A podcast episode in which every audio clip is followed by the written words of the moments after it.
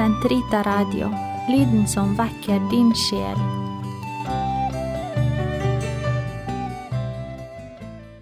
Olav Haraldsson, en syndig helgen som passer for vår tid.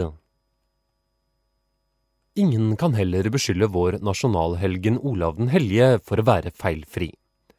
Helgenkongen står mitt hjerte nær. Jeg holdt en gang et foredrag om denne karen under pilegrimsferd på Dovre, Øysteinkirken og i Erkebispegården juli 2000. Foredraget som gjengis i det følgende er ingen historisk fremstilling, men et forsøk på å vise hvorfor helgenkongen er brennaktuell også i dag. For øvrig tør jeg anbefale min egenskrevne biografi om Olav den hellige, Maximilian Kolbe-utgivelser. Innledning Kjære venner. Jeg går ut fra at de fleste av dere som her er samlet, har tatt del i pilegrimsvandringer. Vi har følt noe av kristendommens historiske sus når vi vandret på veier som hundretusener av pilegrimer har gått før oss. Vi følte samhørighet med middelalderens pilegrimer, som slet seg frem på smale stier og forserte strie elver hvor broer ennå ikke var bygget. Våre tanker gikk til tusener av forfedre fra lengst svunne tider på vei til Nidaros. I det ytre har våre pilegrimsvandringer i dag felles trekk med valfarter i tidligere tider. Men i det indre har motivene for mange skiftet karakter. Det kan skyldes ulike syn på kristendommen, det kan bero på forskjellige livssyn, det kan ha så mang en forklaring. Men én ting opplever vi vel alle. Hvert skritt på vei til Nidaros minner om én bestemt person, Olav Haraldsson, samt en kristenarv han ga oss. Jeg er blitt bedt om ikke å holde et historisk foredrag i dag. Jeg er isteden blitt oppfordret til å projeksere. Olav-skikkelsen inn i vår tid viser at han er brennaktuell også, ja, kanskje nettopp i vår tid. Menneskeverdet I hedensk tid La oss begynne med menneskeverdet.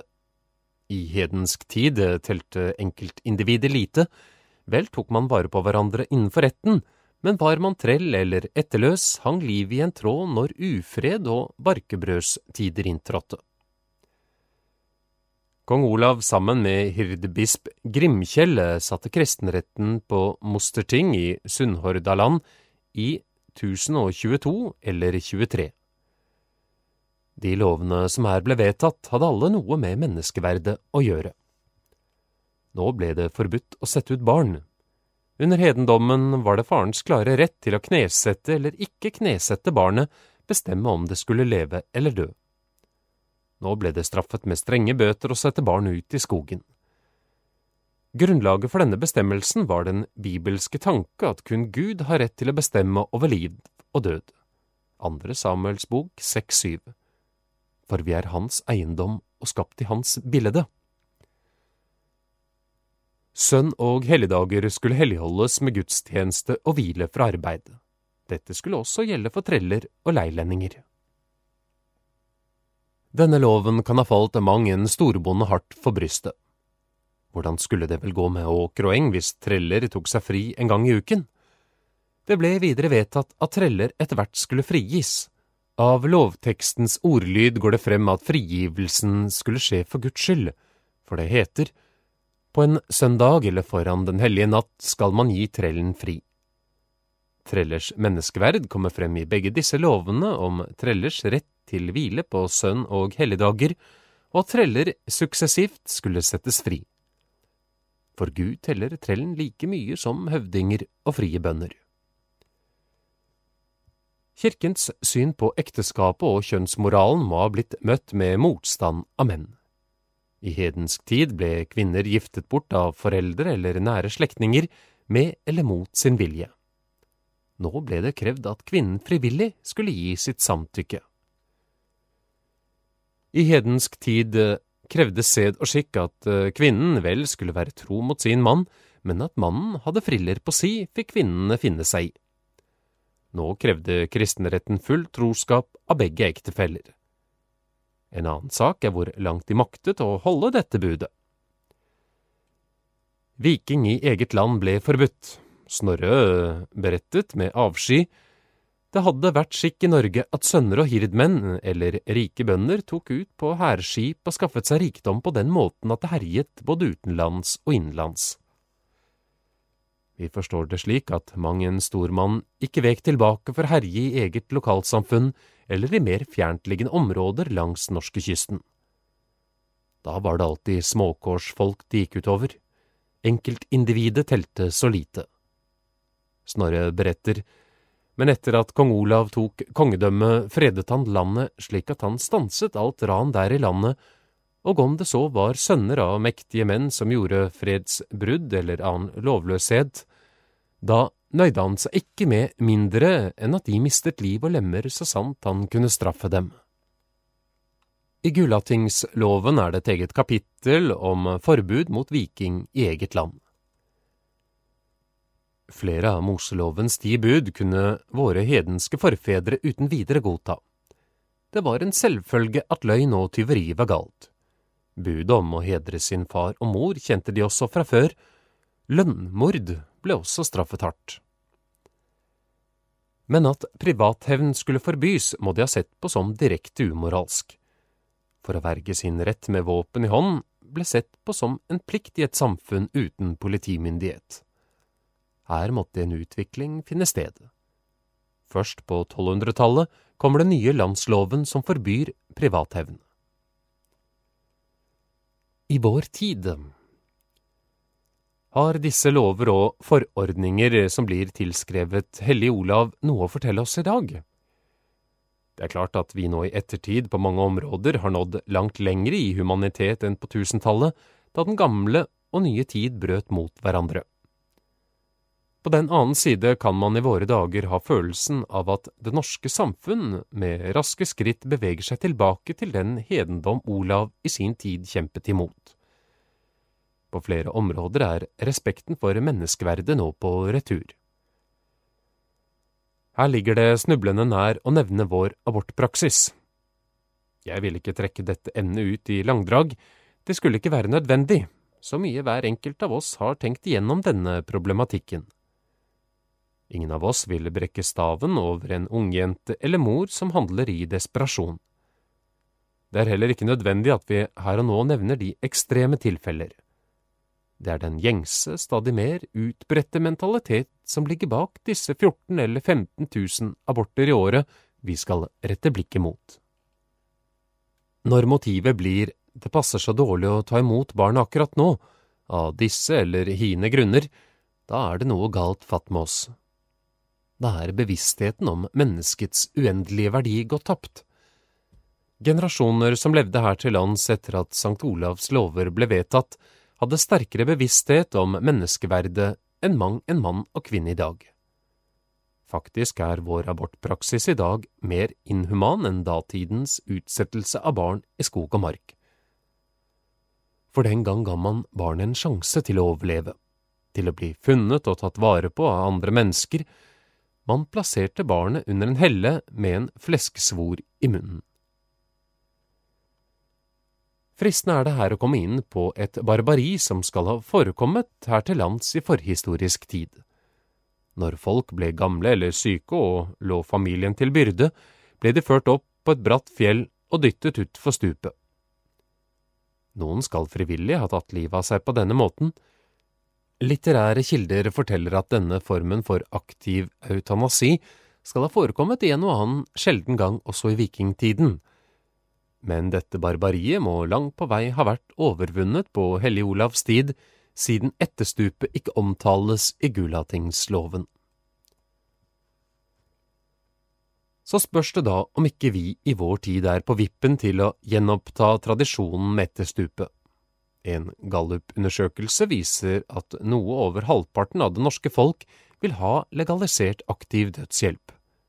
Det vil si, når dødssyke personer ønsker det, skal de kunne gi helsepersonell tillatelse til å støte dem utfor stupet, eller for å uttrykke oss mer moderne, gi helsepersonell tillatelse til aktivt å avslutte deres liv med en giftsprøyte. Vi har hatt flere rettssaker om dette emnet i den senere tid. En stor majoritet av norske leger kjemper innbitt mot legalisering av aktiv dødshjelp. Men presset øker fra jurister og humanetikere. Selv tror jeg det kun er spørsmål om tid før loven om aktiv dødshjelp blir vedtatt. Først vil det bli gitt tillatelse kun for ekstreme tilfeller, sånn var det også med abortloven i sin tid. Så vil utglidningene finne sted. Når det løsner en sten i uren, følger raset. Det er nifst å følge utviklingen i Holland på dette punktet. En rapport hollendere selv har utgitt, viser at det i 1996 ble utført 4600 eutanasier. Av disse ble 1000 utført uten de sykes eget samtykke. Også hollendere som lider under dyp sorg kan få medisinsk hjelp til å dø, ja, også barn hvis de ønsker det. Er de under 16 år, skal foreldrene varsles, men de har ingen legal rett til å forhindre at deres barn blir avlivet etter eget ønske. Kan vi få hollandske tilstander i Norge? Det er menneskeverdet det dreier seg om. Hvis bevisstheten om hvert enkelt menneskes uendelige verdi og hellighet forsvinner, kan alt skje. Hvis troen på at Gud kunne ha gitt oss bruksrett over livet, at han alene har eiendomsrett over oss, at han alene er den som rår over liv og død, da kan vi vente oss det verste. Hvis Olav Haraldsson hadde kunnet se inn i vår tid, ville han ha gremmet seg over at det menneskeverdet han kjempet for, tusen år senere skulle trampes under fot. Så til noe annet. Hellig-Olavs lov la, som vi nylig hørte, grunnlaget for middelalderens kvinnefrigjøring. Det skulle ta flere århundrer før disse lovene om kvinners selvbestemmelsesrett ble en del av nordmenns moralske bevissthet. Hva så med oss i dag? Hvor langt har vi nådd i kvinnefrigjøring? Jeg skal være forsiktig med å stinge fingeren i et vepsebol. Jeg kjenner kvinner som sier det ennå er høyt opp og langt frem til full likestilling, andre er et godt stykke på vei fornøyd. Selv vet jeg altfor lite til å kunne uttale meg om det som skjer i kampen for kvinnens likestilling på det rent ytre, samfunnsmessige plan, men jeg har påvirket av en del lesning, gjort meg tanker om kvinnefrigjøringen på det indre plan. Blir hennes menneskeverd satt i høysetet og likestillet med mannens? Man taler i våre dager så mye om den seksuelle revolusjonen som startet på sekstitallet. Mange av dere har lest den amerikanske Kinsey-rapporten. Den er interessant lesning. Like kanskje mer interessant enn den amerikanske The Height Report. Forfatterinnen Height, fjern fra alle religiøse skrupler, tolererer de fleste avvik fra tradisjonell kristen moral. Men hva angår den såkalte seksuelle revolusjon, er både hun og utrolig mange av hennes over 3000 intervjupersoner skeptiske. I en rekke intervjuer blir denne frigjøringen karakterisert som fiktiv. Jeg siterer noen kvinner som sier sin mening i denne boken. En kvinne sier så lenge kvinner blir utnyttet seksuelt, blir betraktet som sexobjekter og oppdratt fra vuggen av til å imøtekomme menn, er den seksuelle revolusjon meningsløs. En annen kvinne sier jeg synes konebytte, pornofilmer osv. ikke nødvendigvis innebærer frihet, heller besettelse. En annen kvinne kvinner blir behandlet som objekter. I denne revolusjonen vant de undertrykte kvinner lite. Det var undertrykkeren mannen som startet den seksuelle revolusjonen. En annen kvinne sier, følgende av å erklære sex nødvendig og kvinnen fri til å gjøre det, var å frita kvinnen retten til ikke å gjøre det. Et uh, siste sitat. Den seksuelle revolusjon forteller meg at jeg er unormal hvis jeg ikke ønsker å gjøre det med enhver Tom, Dick og Jane. Jeg er bare fri til å si ja. Slike og lignende uttalelser viser til fulle at visse sider ved den såkalte seksuelle revolusjon har besudlet kvinnens menneskeverd. Jeg tror det finnes noen kvinner i Norge som vil istemme disse hjertesukkene fra skuffede amerikanske kvinner. Det som i begynnelsen var tenkt som kjønnslig likestilling og seksuell frigjøring for kvinnen, skjedde på mannens premisser. Redusert til et sexobjekt ble hennes menneskeverd tråkket under fot. Det var slike hedenske tanker som kristenretten på Mosterting i regi av Hellig Olavs person ville avlive. De fleste norske kvinner vil ha vanskelig for å kjenne seg igjen i disse uttalelsene fra The Height Report. Så er da heller ikke Norge Amerika, og allikevel kjenner vi ikke igjen tendensene.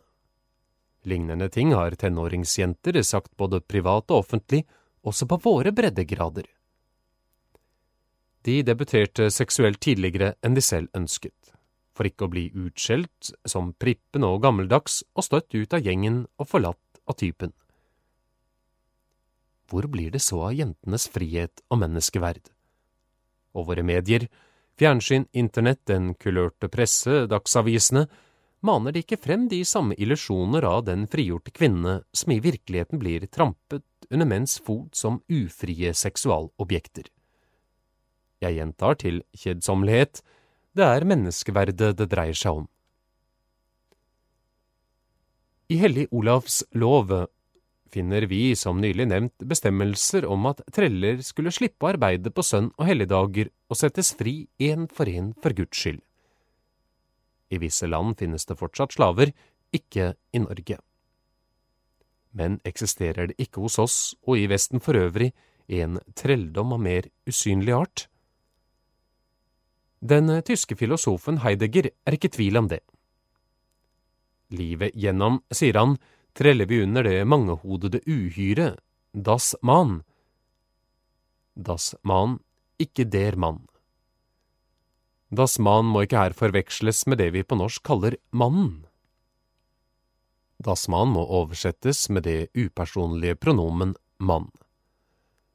Man sier, man gjør, Heidegger er overbevist om at vår frihet er blitt trellbundet av das man.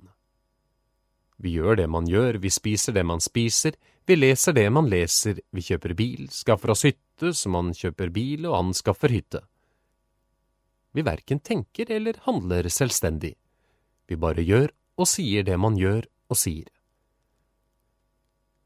Langt farligere blir det når man leser aviser og ukeblader, hører radio, ser fjernsyn, lytter til kjendiser og etterpå mener det om alle problemer, saker og ting som man i disse medier mener om alle problemer, saker og ting.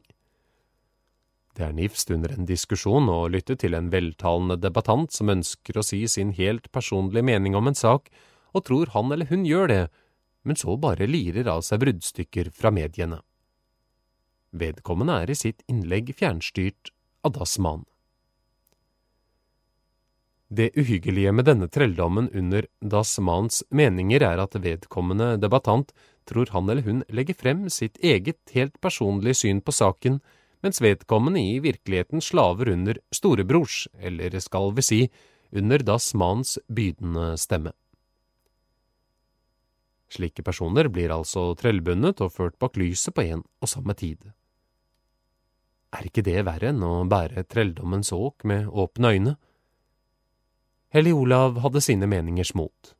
Litteraturhistorikeren Fredrik Pasche mener Olav Haraldsson var en ensom mann. Jo, hans menn beundret ham, det er så, men forsto ham gjorde de aldri. Det var noe fremmed ved ham, som de aldri kunne trenge igjennom. Riksideen som han brant for å samle nordmenn under én norsk konge, ble møtt med likegyldighet, uforstand og fiendskap. Hans brennende iver for kristendom og kirke var det få som forsto. Også her var han en ensom mann. Kong Olav tenkte og handlet selvstendig. Midt i et hav av hedensk tanke bevarte han sine meningers mot og gikk i bresjen for den kristne tanke. Et godt stykke på vei var han frigjort fra Dasmans tyranni et eksempel til etterfølgelse for vår tid. Å leve målrettet Hellig Olav La oss nå forlate disse tanker om menneskeverdet og gå over til et annet tema hvor Hellig Olavs liv kan bli til hjelp og stå som forbilde for vår tid. Jeg tenker nå på det målrettede og derfor meningsfylte i hans liv. Snorre presenterer oss først for den bråkjekke gutten som ikke vil gå i stefarens fotspor, bli bonde og grave jorda. Viking vil han bli. Det er hans mål i livet. Moren Åsta holder med ham i det og støtter ham etter evne. Det er noe urolig rastløs over tenåringen som herjer Europas kyster. Er dette meningen med tilværelsen? Han møter kristendommen tett innpå livet i Normandie. Læren om Hvitekrist åpner nye porer i hans sinn, utvider sjelens horisonter. Hvitekrists hirdmann vil han bli. Det blir det nye målet i hans liv. Han lar seg døpe i Roang, så tar han opp sitt gamle yrke som viking. Det tilfredsstiller ikke lenger. En drøm gir ham et nytt mål i livet. Han vil bli konge i det land han var odelsbåren til, Snart har han lagt alle motstandere under sine føtter. Han blir hyllet til konge på alle tingene. Rikskongedømmet er et faktum, Norge er samlet under én norsk konge. Hans navn er Olav Haraldsson, han har nådd sitt mål. Men dette målet blir bare et middel til nye mål. Han tar mål av seg til å kristne nordmennene.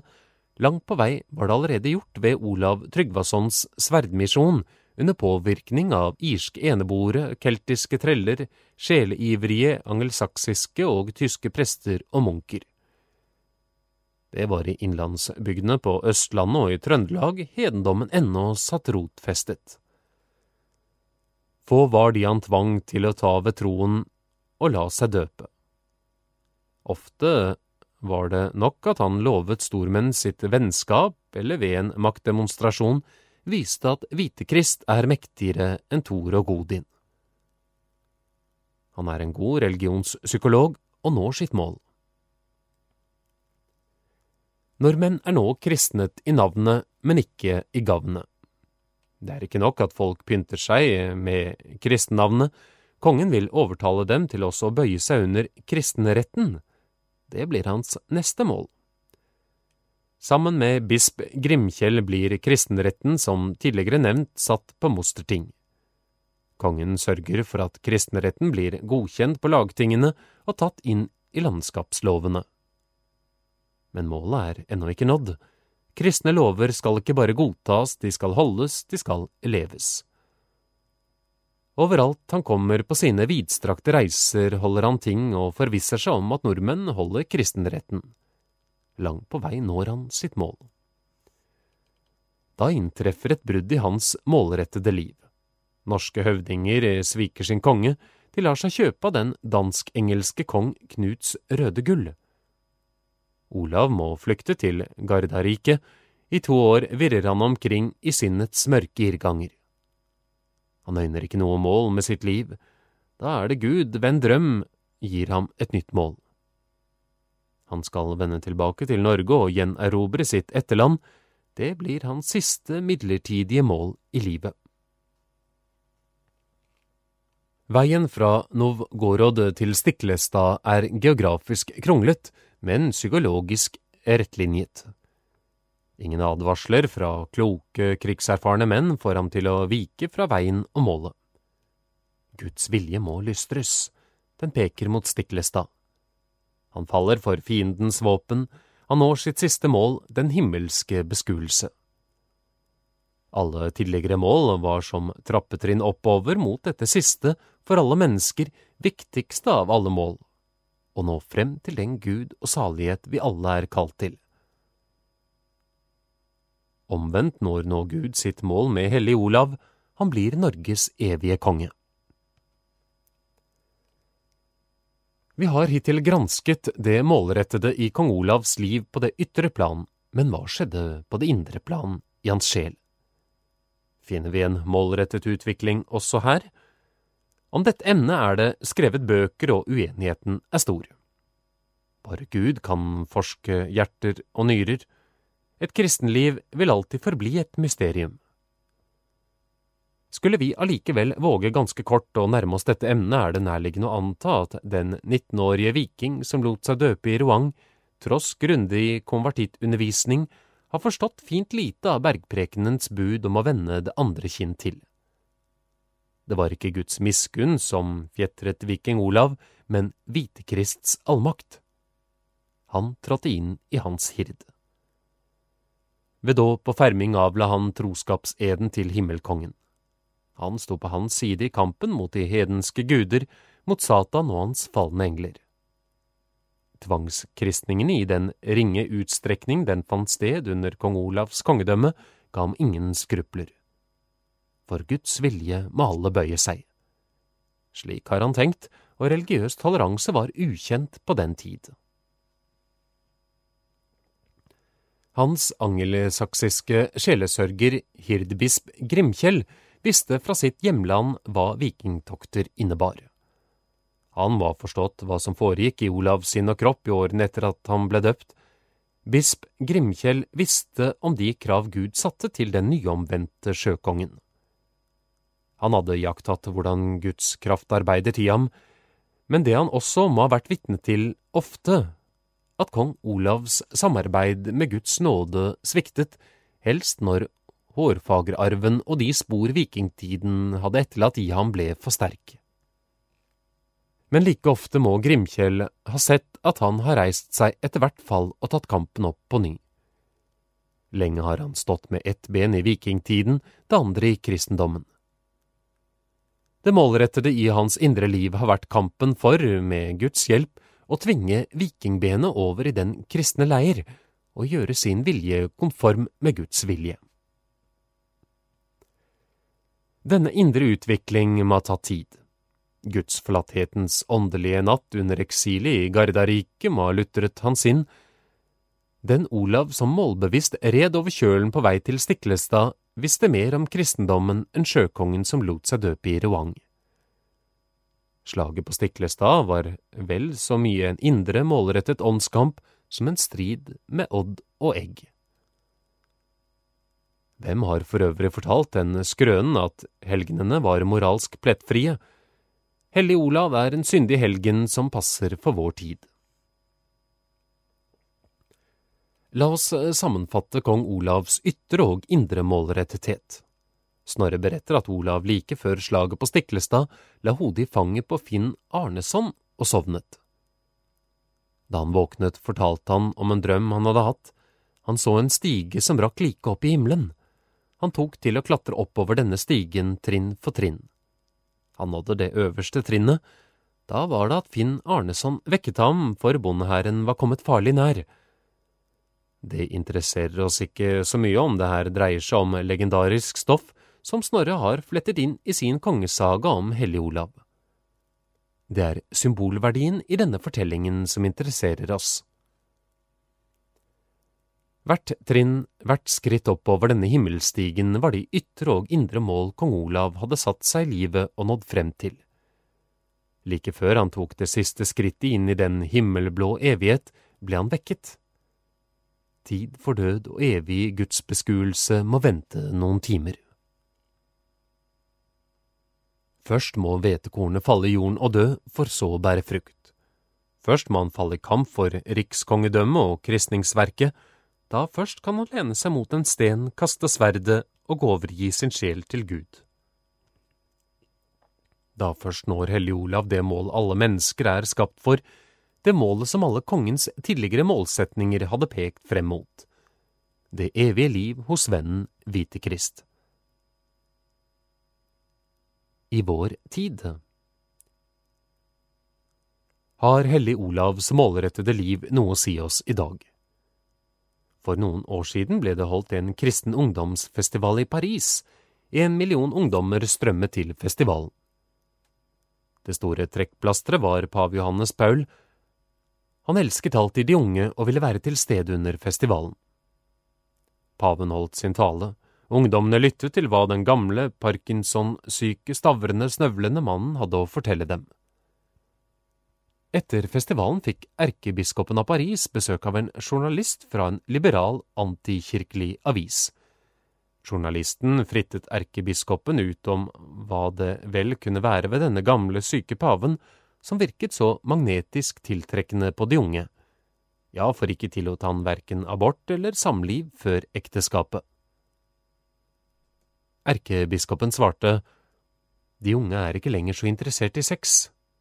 Det hører de om hver dag, de vil vite hvorfor de lever, hva som er meningen med livet. Det er det paven kan fortelle dem. Den østerrikske psykiater Viktor Frankel satt under krigen tre år i tysk konsentrasjonsleir. I dette jordiske helvete oppdaget han at den som vet hvorfor han lever, kan holde ut et hvilket som helst hvordan. På denne dyrt kjøpte lærdom har han grunnet sin metode for behandling av psykiske lidelser. Logoterapi kaller han denne gren innen psykiatrien. Logoterapien ser det som sin oppgave å hjelpe pasienten til å finne mening i tilværelsen. En av grunnsetningene i denne terapien er at menneskets hovedanliggende ikke er å oppnå nytelse eller unngå smerte, men å finne mening med sitt liv. Mening finner man ved å ta ansvar for hva man velger i enhver gitt situasjon. På denne måten ser logoterapien i ansvarligheten selve menneskelivets vesen. I sin bok Kjempende livstro streifer Frankel også inn på det han kaller livets supramening. Det er menneskets mål utover det rent jordiske han sikter til. Dette emnet berører han bare kort, psykiater som han nå en gang er. Frankel selv er troende jøde. Fra egen og pasienters erfaring er han klar over hva det betyr for et menneske å vite at livets siste og endelige mening er en åndelig størrelse som ligger hinsides det rent jordiske livet. Oppdagelsen av at livet har et mål og en mening, kan redde frustrerte, fortvilte og psykisk syke personer ut av det Frankel kaller det eksistensielle vakuum. Med dette begrepet sikter han til menneskers opplevelse av at livet er uten mål og mening, og til den grenseløse lede og kjedsommelighet som følger i kjølvannet av erkjennelsen av at livet er absurd. Han sier at faktisk volder kjedsomligheten i dag flere problemer enn nøden. Nedsunket i eksistensiell meningsløshet velger ikke mennesker sine egne handlinger, det er andre som velger for dem. I denne umyndiggjøring av mennesker som driver viljeløst på håpløshetens hav, ser jeg en av de største farer i vår tid. Man velger ikke lenger selv, de lar andre velge for seg. Kanskje skjer det ubevisst, men det skjer. Markedskreftene overtar. Gjennom mediene forteller de oss hva som er livets mål og mening. Lykken ligger i å være motebevisst, kjøpe de riktige klærne, bruke den riktige sjampoen, det beste aftershave water, velge de fineste ferieturer, anskaffe de riktige biler, møbler, kassetter, fjernsynsapparater, listen er uendelig lang. De fleste av disse tingene er i og for seg gode og kan berike oss, hvis vi bare fikk beholde evnen til å velge selv og ikke ble oss fortalt at disse tingene er livets mål og mening. De som lever i et eksistensielt tomrom, faller lett for markedskreftenes snedige propaganda. Alle er vi vel noe lammet og påvirket av disse falske illusjoner. Markedskreftene lover i billig lykke, som tingen aldri kan gi. De taler aldri om offer, forsakelse, hengivenhet, sann kjærlighet, kun om instant joy, øyeblikkelig tilfredsstillelse. Markedskreftene skygger for den drift som er nedlagt i hvert menneske etter den absolutte sannhet, den absolutte kjærlighet, den absolutte skjønnhet som er Gud. Når livet blir absurd, står demokratiet i fare. Sant demokrati bygger på velgernes selvstendige tanke og valg, samt troen på at nød kan lindres, fattigdom og arbeidsløshet avskaffes, altså at livet, enkeltindividet, samfunnshistorien har mål og mening. Der vår tids største psykiske lidelse, det eksistensielle vakuum brer seg, er demokratiet i fare, og den psykopatiske der Führer står klar til å overta. Hos våre norrøne forfedre var det den blinde lagnaden som lammet folks handlingskraft, en parallell til vår tids blinde markedskrefter. Vår tilsynelatende mening så målløst ble det ikke å kjempe for lov og rett når lagnaden kanskje hadde utvalgt en tidligere lykkemann til å dø på sotteseng og etter døden vandre til den nitriste Helheim. Også asatroens guder var underlagt datidens markedskrefter, lagnaden. Da Olav Haraldsson tok ved kristentroen i Normandie, brøt han med lagnadens meningsløse tyranni. Nå gjaldt det å velge riktig og ta ansvar for valget. Målene var mange, alle pekte de fremover mot det siste valget, livet hos Hvitekrist i himmelborgen. Det er dette ansvarsfulle, målrettede drivet i Olavs liv vår samtid kan ta til etterfølgelse. Hvis ikke hvetekornet faller i jorden, i Hellig Olavs tid. Som eh, siste innslag i dette foredraget vil jeg streife inn på dette og seire gjennom nederlag. Da Hellig Olav red gjennom Sverige vestover fjellet på vei til Norge, var han en lykkelig mann. Snorre beretter at den, i de siste årene, så tause kongen var glad og pratsom mot sine menn på veien og gledet alle som kom ham nær. Har han trodd på seier? Da han forlot Gardariket, har han nok gjort det men på vei gjennom Sverige får han mange advarsler, og ryktet når ham at en veldig hær samles mot ham. Det er ord i sagaen som tyder på at en forutanelse om egen død melder seg hos Olav og vokser i styrke, samtidig blir han sin mer himmelvendt. På Stiklestad står kongsherren overfor en veldig overmakt, men flykte vil ikke kongen. Guds vilje er det avgjørende, nå får han seire eller dø, slik Gud vil det. Motivet er klart, bare under én norsk konge kunne kristendommen ha sjanse til å overleve og vokse i Norge. Har han på dette tidspunkt ant noe om at bare når hvetekornet faller i jorden og dør, bærer det rik frukt, Johannes 12,24, kongen faller for motstandernes våpen. Så skjer det forunderlige. Straks etter kongens død tar folk til å tale om at han var en hellig mann. Snorre skriver at utover vinteren som fulgte etter slaget på Stiklestad, var det mange der i Trondheimen som tok til å tale om at kong Olav var en virkelig hellig mann, og at det hendte mange gjærtegn på grunn av hans helligdom. Olavsbegeistringen vokser, den brer seg over hele Norden, England og på sydligere breddegrader. Nidaros blir det fjerde største valfartsstedet i Europa.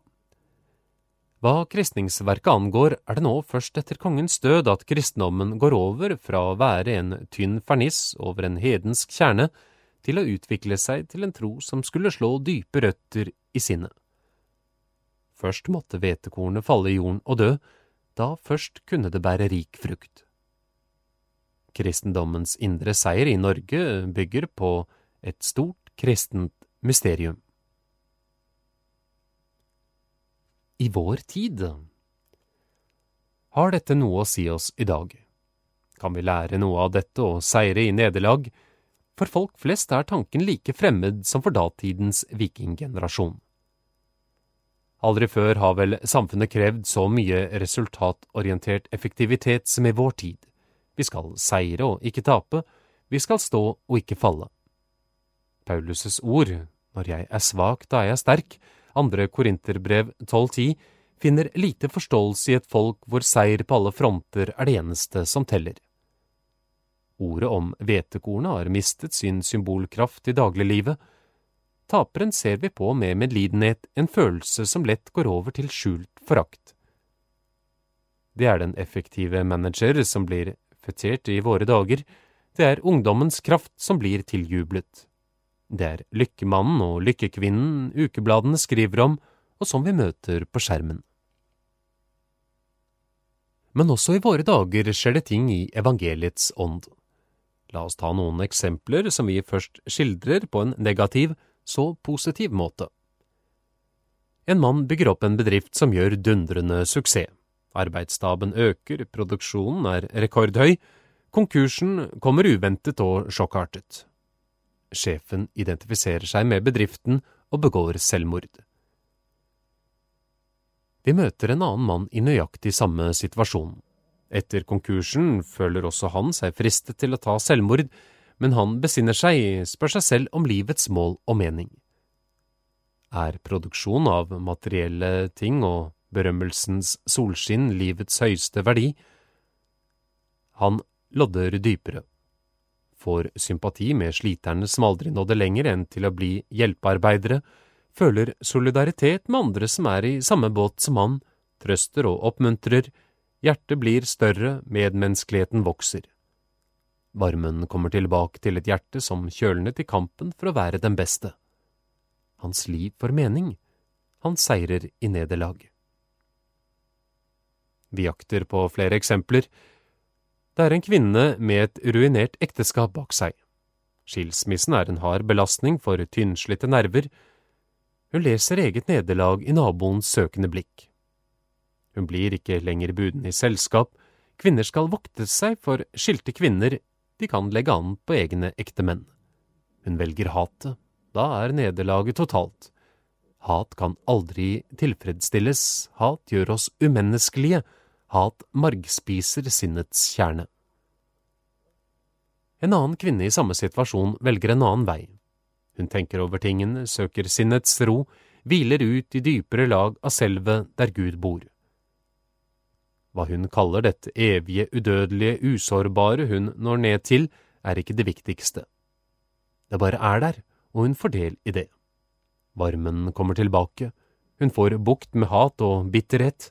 Midt i sårbarheten har hun nådd frem til en usårbarhet som ingen kan ta fra henne.